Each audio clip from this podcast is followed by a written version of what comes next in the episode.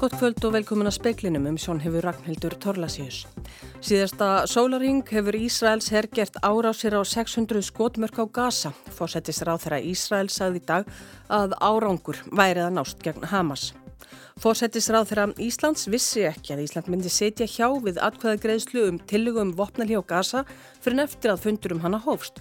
Tölvupóstur þess efnis var sendur starfsmanni fórsetisráðunitisins 11 mínutum áður en fundurinn hófst stjórnarandstaðan vill að bóðað verði til þingfundar, hinn fyrsta. En rýs land á Reykjaneskaga norðvestan við Þorbjörn hjá Svartsengi og skjáltavirkni er viðvarandi. Kínverska byggingarfyrirtækið Evergrand fær 5 vekna frest til þess að semja við lánardrótna um rúmlega 45.000 miljardar krónar skuldir, ella blasi gjaldfrót við. Og Byrna Stefánsdóttir lítur bókmenta velun Tómasar Guðmundssonar í ár. Ísraels herr segist hafa gert árásir á 600 skotmörk síðasta sólaring. Þetta eru mestu árásir í átökum Ísraels við Hamas samtökin til þessa. Einum gísl var sleppt úr haldi Hamas samtakana í dag. Ísraels herr hefur færst á næsta stíg í átökum sínum við Hamas samtökin. Skriðdregar hersins hafa sérst nálagt Gazaborg sem eru norðarlega á Gazasvæðinu. Þeir eru sagðir nota sama veg og fólk hefur notað á flótta sínum frá borginni. Benjamin Netanyahu, forsættis ráþara Ísraels, sagði hér ráðunetti sínu í dag að Ísraelar væru að ná kerfispundnum árangri gegn Hamas á Gaza. Hann sagði að Ísraels hér stækkaði svæðið sem fótgönguliðar þeirra hefðu lagt undir sig. Það væri kraftmikil aðgerð sem skilaði árangri. Hamas liðar sendu myndband frá sér í dag sem sínir þrjár konur sem þeir hafa haldið í gíslingu. Í myndbandinu sem er um 76 sekundar langt byðlar einn kvennana í örvendingu til Netanyahu að samþekja fangaskipti svo öllum gíslum verði sleft. Einum gíslana sem Hamas liðar hafa haft í haldi hefur verið sleft. Samkvæmt yfirlýsingu frá Ísraels herr var hún frelsuð í aðgerð á jörðunniðri og henni heilsist vel. Framkvæmda stjóri mannúðarmála hjá saminuðu þjóðunum ætlar að funda með leiðtóum Ísraels og Palestínu um hvernig hægt séðan auka mannúðar aðstóð á svæðinu. Beðið verði um að gíslum verði sleft, alminir borgarar verði verndaðir hvar sem þeir eru og að mikilli mannúðar aðstóð verði hleyftin á gasa, hratt og örugan hátt. Hann gerir einni kröfu um að alþjóðalög verði virst. Valgerður Greta Gröndal sagði frá. Stjórnaranstaðan á þingi krefst þess að alþingi verði kallað saman til fundar um utanríkistefnu Íslands vegna ágreiningstvækja stjórnaflokka um hvernig Ísland greiti atkvæði um vopnalli á Gaza á allseraþingi saminuð þjóðana. Lógi Einarsson, þingflokksformaður samfélkingarinnar, hefur skrifað breyf til fósita alþingi sem að kalla þing saman. Stjórnaranstaðan vil meina að fósætisráð þeirra og þingflokkur hennar hafi skapað óvissu á sviði utaríkismála með því að ópembera anstöðu sína við utaríkjastefnu Íslands eins og hún byrtist á allseraþinginu. Bjarni Benediktsson, utaríkisráþara, sagði í morgun að fósætisráðanlitið hefði verið upplýst fyrir aðkvæðugaresluna um að Ísland myndi sitja hjá. Í svari Bergþóru Benediktsdóttur aðstofamanns Katrínar við fyrirspund fréttastofu kemur fram að Katrín hafi verið upplýst um niðurstöðu utaríkisráþara um hvernig Ísland myndi greiða aðkvæði 11 mínútur í sjö á förstu daginn. 11 mínutum áður en aðkvæðagreyslu fundurinn hófst. Þær upplýsingar komu frá alþjóðafulltrú að fórsæti saránundisins. Katrín sá þann post hins vegar ekki fyrir en eftir að aðkvæðagreysla var hafinn. Í svari Bergþóru segir ennfremur og rétt. Því likur algjörlega ljóst fyrir að ekki var haft sérstast samráð við fórsætisráð þeirra um þessa afstöðu eins og framkom í máli hennar í frettum ríkis útvarpsins í gær. Tilvittnum líkur. Og það var Magnús Geir Ejjálsson sem saði frá. En Rís landa á Reykjaneskaga, norðvestan við fjallið Þorbjörn hjá Svartsengi og skjáltavirkni er viðvarandi. Benedikt Ófegsson, fagstjóri á viðurstofunni, er í símanum sætlu blessaðu Benedikt. Já, kom það er. Hvað, það haf, hefur verið fólk frá ykkur við gasmælingar þarna í dag við Svartsengi ekki satt. Hefur eitthvað komið út úr því? Hefur, jú, það fór uh, gasherfrængur okkar, hún meðlis að hún fór og mælti fór á Svartsengi og eldvört til að mæla gas og það kom raunin, það sem kemur út úr því er að það er engar breytingar á gas, gas uh, sem sagt, því sem mælist í gasi uh, við, við svartengi eða, eða, við, eða í eldvörstu. Mm. Það, það er bara eins og áður, eins og hefur mælst áður. Já, þannig að það eru góða frettir. Um, það eru, já. já. Hvernig er með, með skjáltaverknin heldur áfram? En um, við býðum mörg hverju ofvæni eftir gerfitunglamyndum. Hvernig er von á þeim? Heyrðu, uh, þessar myndir sem vorum að býða eftir hafa nú ekki ennþá borist en við fengum uh, æsæ hérna myndir núna bara fyrir skömmu og þær sína uh, er svona fyrstu dröga af úrvinnsluðum að þetta er að vinna á með lúrinni og skoða hana betur en það verist verið að hæja álandri sinu sem er rýmar vel við það sem við sjá í GPS-kerfunu og, og það er engin merkjum að kvika sér neitt að tróða sér upp í ofar í askorpuna eða að það sé að byrja neinn nein, hérna kveikuðinskott en, en við haldum áfram að sjá bara uh, já, fenslu á cirka fyrir kilómetru típi. Ok. Benedikt Ófegsson, fagstjóra viðstofunni, takk fyrir þetta kærlega. Og það verður nánar fjallaðum jarðræringarnar síður í speiklunum og rætt við Ara Guðmundsson verkfræðing um hvernig megi verja byggð og innviði ef til eldgós kæmi í svartsengi. Það er mikill viðbúnaður á völlunum í Hafnarfyrði vegna umferðaslis. Tveir sjúkrabílar er á staðnum á samt fleiri viðbræðsæðilum, slökkvilið og höfuborgarsvæðinu, sér að ungmanneski hafi slasast, lögregla versta allra fregna og vonir á tilkynningu síðar. Óbreyttir meistranemar við Háskólan og Akureyri hafa ekki aðgangað viðkvæmum gögnum úr sjúkraskrám aðeins heilbreyðistarsfólk. Meistranemmi sem ringdi í þólanda kynferðisofbeldis í sumar til að bjóða þáttöku í rannsókn var heilbreyðistarsmaður en kynnti sér ekki sem slíkan. Sérstakur liður er í reglum um tilvíkt sem þessi en ekki um hvernig skal kynna sig. Konan sem er 20 ára gummul varð fyrir grófri nögun fyrir tveimur árum og leitaði til neyðarmótöku kynferðisbrota á sjúkrahúsinu á Akureyri. Hún er ennað takast á við andlegar afleggingar nögunarinnar og hefur verið greint með króniska áfallastreituröskun. Í sumar ringdi í hana ókunnu kona Hún kynnti sér sem meistranema við Háskólan og Akureyri sem inni að rannsókn og sapnaði sögum frá konum sem hafa farið á neyðarmóttökuna á Akureyri vegna kynferðisofaldis. Símtalið Olli Bakslægi hjá konunni sem er í stífri meðferð gegn áfallastreitu. Hún held að hver sem er hefði upplýsingar um kynferðisofaldið. Valborg Stengrimsdóttir er sviðstjóri hjá Personovend. Samkvæmt reglum sem að hafa verið gefnar út um hvernig megin nálgast sjúklinga til þáttöku í vísindaransóknum að þá er það heilbriðstarfsmæður eða stopninin sem vilt hefur viðkomandi meðferð sem að ætti þá að hafa samband til að kanna vilja sjúklings til þáttöku. Segir Valborg og vísar þar í reglur vísindarsíðanemdar frá 2018 að fenginu umsögn persónavendar. Það sem að gerðist í þessu tilviki er að umrættur meistaranemi var einnig heilbreyðstarfsmæður á þessari heilbreyðstofnun. Í reglum síðanemdar er sérstaklega tekið fram að ábyrðamæður rannsóknar megi hafa samband sé viðkomandi heilbreyðstarfsmæður. Nefnanum var því heimilt að kanna hvort konan vildi taka þátt í rannsókninni. Konan vissi aftur á móti ekki að nefnin væri heilbriðistasmaður og bundin trúnaði þar sem hún hafði ekki kynnt sig þannig. Símtalið var áfall fyrir konuna sem held að sjúkrahúsið hefði brotið trúnað. Ari Pál Karlsson tók saman. Birna Stefánsdóttir hlýtur bókmæntavelun Tómasar Guðmundssonar í ár fyrir handreitið Örverfi sem er hennar fyrsta ljóðabók. Í umsökt domnemdar segir meðal annars að verkið heitli með látleysi sínu sagan sér sögð í einfældum og hæfarskum ljóðlínum meðan undir niðri kröymi sterkar tilfinningar. Ég vil bara takka bókmyndaborginni, takk domnemd fyrir að rýfast með, takk Heiða fyrir að hafa minna eftir að skila þessu inn fyrir mig, takk Einar Kári og Benedikt fyrir að gefa hann út. Takk Elinetta fyrir að hanna kápuna. Takk öll sem lása hann yfir og gera bókina betri. Hildur, Sunneva og Almar. En takk allra helst mamma og pappi. Því án ykkar stæði ég ekki hér. Án ykkar að þetta handrið aldrei orðið. Saði Birna Stefansdóttir. Há þróð gerfi greinda líkun verða til umfjöllunar á leðtúafundi í Londónavíkunni. Markmið fundarins er að komast að samkómulægi um fyrstu alþjóðlegu yfirlýsinguna um eðli og umfang mögulegar hættu sem stafað geti af gerfi greind.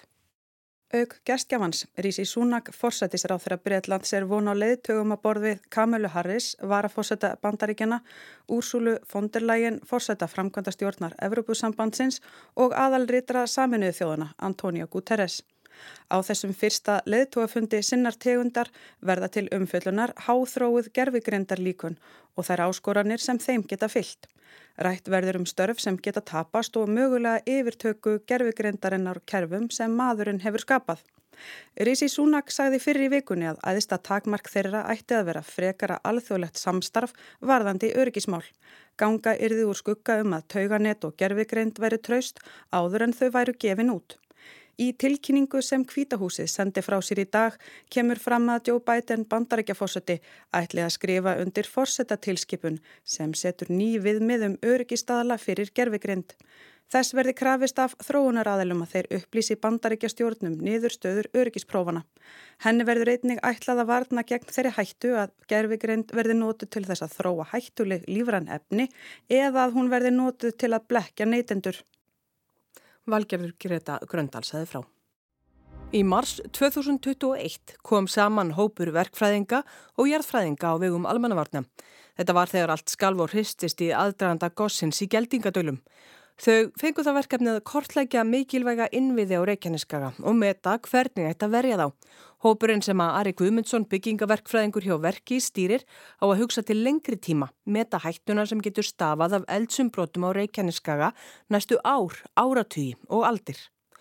Þráðurinn er tekin upp í hvert sinn sem gís og þau eru byrjuð núna vegna jarðhræringana við Fagradalsfjall og Svartsengi. Svartsengi er skamt frá þéttbíli aðeins nokkura mínutna akstur frá Grindavík og í Grindavík eru heimilið 3500 íbúa. Það er útgerð og fiskvinnsla, mikilvæg höfn svo að eitthvað sé til tekið. Við Svartsengi er Bláalónið, einn vinsælasti ferðamannastaður landsins og stóru vinnustadur og af Svartsengi svæðinu á hiti ramagn og ferskvatt suðunisjamanna uppruna sinn. Elgósin við Fagradalsfjall hafa verið afar heppilega staðsett. Allt annað er upp á teiningnum ef það gís í svartsengi. Ari segir að hópurinn hafi skoðað margar sviðsmyndir á þessu svæði, meðal annars skipulagt hvernig hægt væri að koma upp varnargörðum. Þetta er eitthvað sem við erum búið okkur undir að, að hvað við séum í höndunum, hvað við erum búin að skoða og, og svoleiðis. Þannig að það sé tiltækt Segir Ari Guðmundsson, þau hópnum útbyggu á sínum tíma lista við verktaka með stórvirkar vinnuvélar á söðvesturhorninum sem hægt er að kalla til með skömmum fyrirvara. Eins kortlauðu þau grjótnámur í nákrennu og hvort þar væri laust efni sem hægt verið að grýpa til. Á sömum stöðum sem að við svona horfum til þess að gæti fyrir þess að þetta barni verða þá, er á sömum stöðum lítið að lausu efni á svæðinu og þá þurftum við að horfa til þess að keira að efni úr námum. Það er þetta tímafrekar hefðum að íta upp efni á staðnum eins og gert var í þeim varnagurinn sem við settum upp aðna 2021.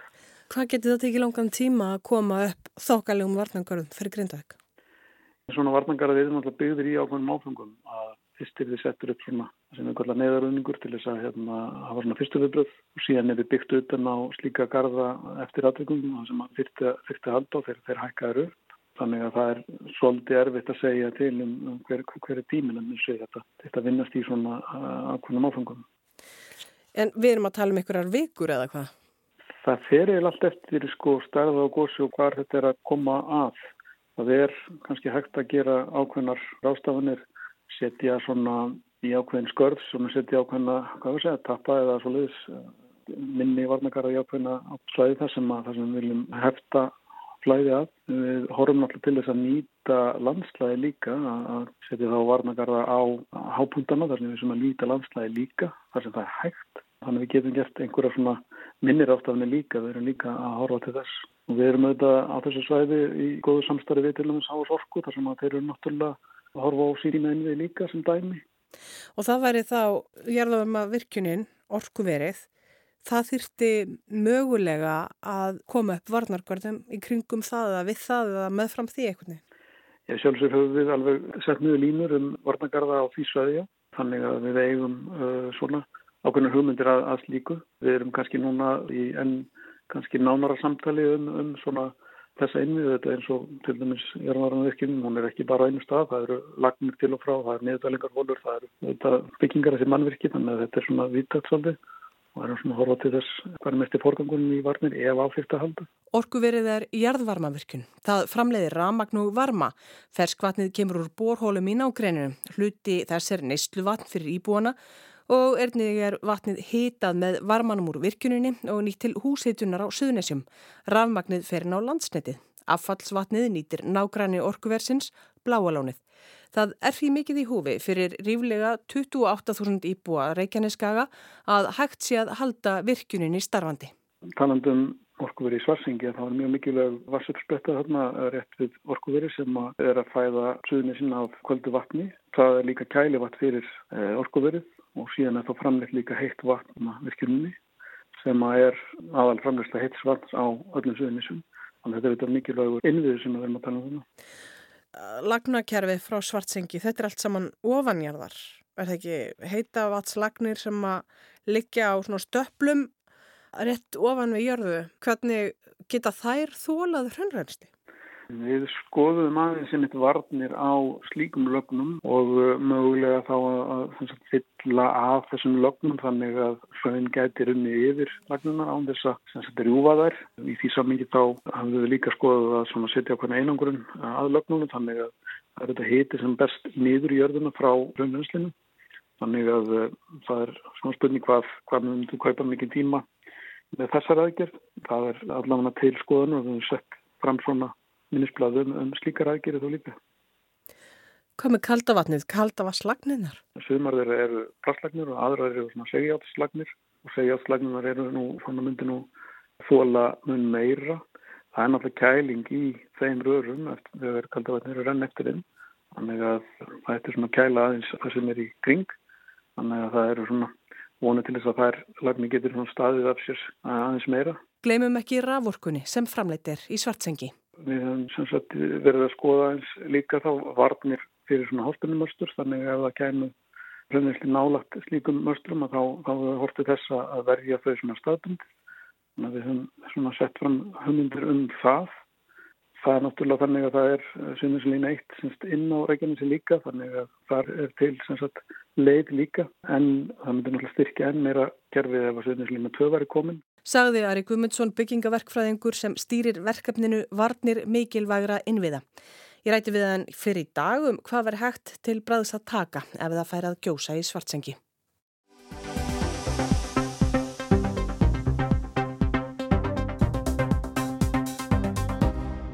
Það sem að kannski kom mér mest og óvart er núna með nýjustu loftlagsbánum að jafnvel þó að við stöndum við skuldbindinga Paris sankominlagsins þá mun hlína mjög mikið á Íslandi núna á þessari öld og mun gjör breyta hér aðstæðum og mun hafa mikil áhrif á náttúrufar og rektun og ástæðan fyrir þessu er að þó að það takist að halda hlínun heimsins fyrir neðan tvær gráður þá hlínar hlutvarslega mest á norðurslóðum og þetta var eitthvað sem ég held að marg okkar vorum ekki alveg búin átt okkur á og það var ekki fyrir núna með nýjustu útregningunum sem við sáum í rauninni hver áhrifum munu verða hér um miðjöldina og svo í lok aldarinnar.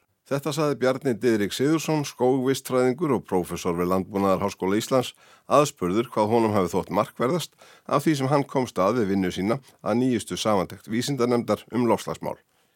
Bjarni er sérfræðingur í áhrifum umhverfisbreytinga á gróður og dýralíf og lífríkið almennt og er skráður fyrir þeim kaplaskíslunar sem fjallar um lífríki á landi með áherslu á landbúnað og rektað land. Og næsta spurning hlýtur þá að vera hvort þessi fyrir sjáanlega mikla hlínun og gjörbreyttu aðstæður hér séu góðarfrettir eða slæmar fyrir íslenska landbúnað og ræktun almennt. Bjarni segir það afstætt og fara eftir þeim viðmiðum sem sett eru. Við höfum verið að upplifa mjög mikla breytingar hér til dæmis í ræktunarskilirðum á síðustu 30 árum hér er allt aðra aðstæður fyrir bændur landsins til jarræktar til dæmis eða, eða garðeigundur til, til garræktar e, e, heldur var hér milli, milli 1960 og 1990 og við erum náttúrulega og það er það sem ég held að mjög margir svona, sem eru komnir á miðjan aldur eins og, eins og við, virðulegir menn Eh, muna eftir hvernig þetta að, að það var mjög margt sem var öðru sér hérna um 1980 til dæmis sko. 70-80 eh, framundi 90 og ræktunarskilir þið hafa gjör breyst þannig að sko loftlagsbreyningar er ekkert eitthvað sem held, er bara gerast í, í framtíðinni. Þegar hafa þegar orðið mjög miklar hér á Íslandi. Og þetta er eitthvað sem hefur líka mikil áhrif á landbúnaðina því að sko hefbundi landbúnaðar á Íslandi er dýrahald sem kemst af með lámarks fóðuframislu getur við sagt söðfjörræktinn og rosaræktinn en hér eru við náttúrulega þegar orðnar aðstæður sem leifir miklu meiri jarðirkju heldur, heldur en var hér þegar kaldast var til dæmis og það opnast náttúrulega tækifæri þá við, við þessa breytingar í, í landbúnum hvað þetta varðar. Mikil áhersla hefur verið lögð á mikilvægi þess að varðveita og viðhalda lífræðilegum fjölbreytileika. Þetta á líka við um skógrekt. Þar takast reyndar á tvær fylkingar. Önnur þeirra leggur megin áherslu á að rekta mikinn skóg sem vex hratt. Hinn telur mikilvægara að varðveita upprunaflóru Íslands og vil frekar einbeta sér að endurist íslenskara byrkiskóa og að leifa hinnum frumbyggjanum, reyninum, góðfúslega að fljóta með, frekar en að rækta hér upp framandi og jafnvel ágengar trjátegundir í nafni kólefnisbindingar. Bjarni segir hlínunina ekki ógna byrkiskógunum. Þeir séu þegarfartin að breyðast út, náttúrulega, og búinir að stekka um 11% frá 1990. Og þetta er að gerast jafnvel á svæðu þar sem er hófli beitt. Og þetta er sambland, náttúrulega, þetta er ekki bara að umhverfisastæður séu hagstaðar í byrkinu til dæmis, heldur, heldur þetta er líka náttúrulega breyting á landnýtingu og það er hvort tveggja sem ákvarða hvað gerist í framtíðinni. En það sem ég segi með þessa, breytt, þessa breyttu aðstæðu sem að þessi spálíkun okkar, bestu spálíkun sem til er í dag, er að segja okkur verði hér um 2050 að þá eigum við vona á að hraði svona breytinga muni aukast. Og þá eins og ég segi, ef við viljum verða óbreytt ástand, þá er það náttúrulega mikil, mikil ógnun, en það verð, munu verða breytingar, það, það verður, ekki, verður ekki hjá því komist. Þótt áhrif loslasbreytinga á jarðrækt og landbúnað séu og verði fyrir sjáanlega um margt mjög jákvæð hér á landi, þá er það ekki algilt, segir Bjarni. Við erum þegar komið með tæpar tveggjagraður hlínun frá 1960-90, sem er mjög mikil hlínun. Landbúnaðurinn hefur aðalega upplifið þetta sem, sem jákvæða breytingar út frá gróður Eh, ræktunar skilirðum. Hins vegar, úrkoma hefur aukist líka á Íslandi en hún ekst ekki jafn hratt og það hlínar og það er að verða mjög stutt í það að við förum alltaf inn að upplifa vandamál með, með jarfisraka. Þau spálíkon sem stuðsterfið sína fram á 15-25% hækkun á vakstar getuplantna vegna línunar á sama tíma og úrkoma muni aðeins aukast um 3% það þýðir það á sendnum jarðvegi þar sem bændur er að reyna stunda þess að ræktun á þar sem að vasshældni er ekki mjög mikil og þá allt í hennu fara þeir að upplifa miklu tíðari vandamál með þurka og svo er líka sko óstöðuleiki veður fara að aukast þannig að við erum farin að upplifa eitthvað sem við fengum í sumar lengsta þurkatífambil hérna á Suðurlandi og, og Suðvesturlandi sem við fengið. Þetta er að valda því bæði óstöðuleikin í úrkomunni og hún er ekki aukast eins mikið eins og hlínunin að við förum að, að lenda í vandamálum sem eru mjög algeng sunnan við okkur þar sem að bændur er að missa dræktunar öryggi út af þurki og þetta er eitthvað sem við búumst við og í rauninni er það allar, allar útrekningar er að við erum að komast inn á það svæði innan gæsalappa að við þurfum að fara að hugsa miklu meirum vatn. Úrkoma eikst en ekki nógu mikið til að halda yfir hlínun. Þetta eikur meðal annars hættuna á gróður og skóareldum hér á landi sem annar staðar, ekki síst vegna þess að úrkoman ekst ekki jafn mikið allstaðar, heldur mest það sem hún er mest fyrir, samtímins því að þurkar magnast á þurraris fæðum jarðar. Það er þetta sem er að valda mikil röskun og fæðu framleyslu til dæmis vantanlega framöndi þessari öll sem er ógn sem mun hafa mikil áhrif á Íslandi þó það sé ekki breytinga sem er að verða á Íslandi. Og sennilega eitt alvarlegasta En þessi óstöðuleiki veðufæri og meiri öfgar er eitthvað sem hefur náttúrulega áhrif á okkur öll og ekki síst landbúnaðin og, og, og þeir sem er að lifa landinu. En svo er líka það sem að er að gerast að, e, í varandi sko jarræktina og, og skórækt er að við erum líka að sjá það að núna þegar að hefur hlínað og framleinin er að aukast þá líka bætist við í, í fæðukeðunar og við erum að fá miklu meira af vandamálum innan gæsalappa eftir að það fór að hlýna. Við erum að fá meira af sníkjudýrum, við erum að fá meira af þessum hefbundu vandamálum í ræktun fyrir sunnan okkur þar sem menn eru einmitt að reyna að finna umhverfisvæna leiðir til að geta stýrt og vilja ekki nota eitur og annars líkt sko. Við höfum aldrei þurft að hafa neina ágjörð þessu Íslandi en við erum bara að komast tangað að við skilirinn eru bara sambarileg og þá fáum við sambarileg vandamál og þetta er eitthvað líka sem landbúnaðurinn þarf að, að vakna svolítið upp við.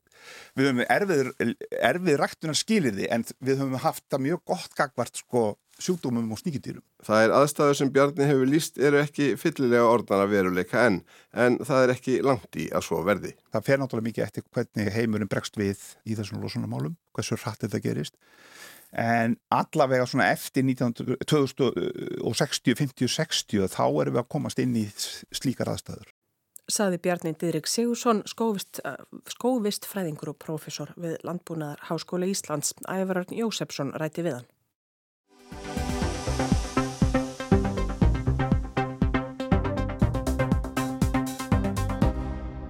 Dómar í Hong Kong gaf í dag stjórnandum kymverska fastegnafélagsins Evergrande fimm vikna frest til að leggja fram áætlunum með hvaða hætti þeir ætluð að greiða skuldir sínar. Ella er þið að tekið til gjaldþrótaskipta. Næsta dómþing verður haldið 4. desember. Evergrande er skulduvasta fastegnafyrirtæki í heiminum. Það er nema jafnverði 45.477 miljardar króna.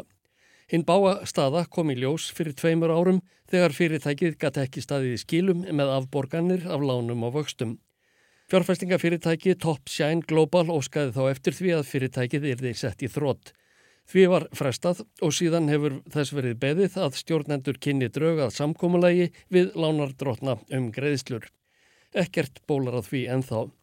Linda Jan, dómari, sagði þegar hún gaf loka frestinn að greiðslu á áöllinin er því að vera raunhæf. Fulltróar fyrirtækisins í réttarsal sagðu að ímislegt var í píponum svo sem að selja dótturfyrirtæki en fastmótuð áallun lægi ekki fyrir. Forsvarsmenn þess hafa ekkert viljað ræða við fjölmiðila í dag. Að sögn frettarskýrenda er það reynd ekki einfalt að gera evergrandi gjaldþróta. Það er stór skuldutt við erlendar fjármálastofnanir og fjárfestingafyrirtæki.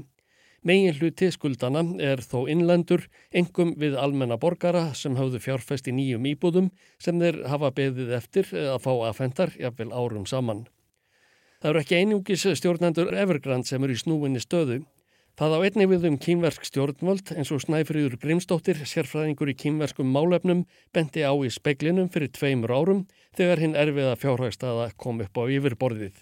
Margir telja að vera mikilvægt fyrir Peking að passa að Evergrand far ekki á hausin hvernig mun fólk fá lán frá böngunum ef Evergrand getur ekki borgað tilbaka svo framvegis. Hins vegar margir segja að það sé ólíklegt að Peking muni hjálpa þeim til þess að komast aftur á rekningkjöl.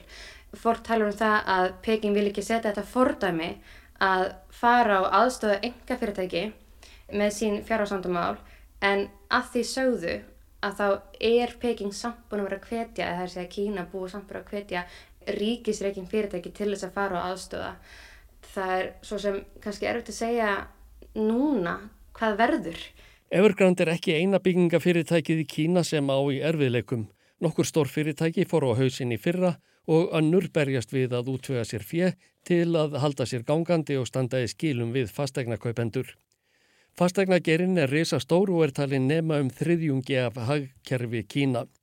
Sem dæmi um umsvið Evergrand má nefna að þegar fyrirtækið gæti ekki staðið í skilum við lánardrótna fyrir tveimur árum námu heildarskuldir þess um það byrju tveimur prósentum af landsframlegslu Kína. Hjá því starfuðu yfir 200.000 manns, samstarfsfyrirtækin voru 8.000 og afleitt starf voru hátt í fjórar miljónir. Það átti þá eftir að byggja yfir eina miljón íbúða sem kaupendur hafðu greitt fyrir.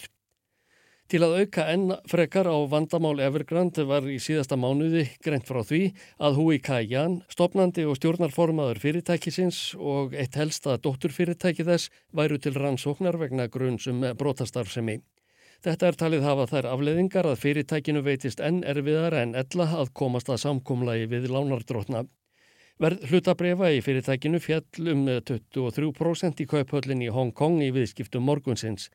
Það hækkaði þó þegar leið á daginn en í lokvið skiptadags namn lækkunin tæpum 10%. Virðið þeirra hefur ekki verið minna frá því að fyrirtækið var stopnað.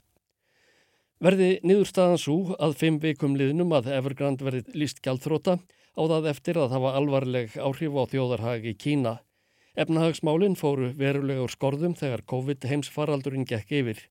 Hverki í heiminum voru sóttvarnir harðari en þar og dæmi um að útgöngubanni var í lísti yfir í heilu borgonum.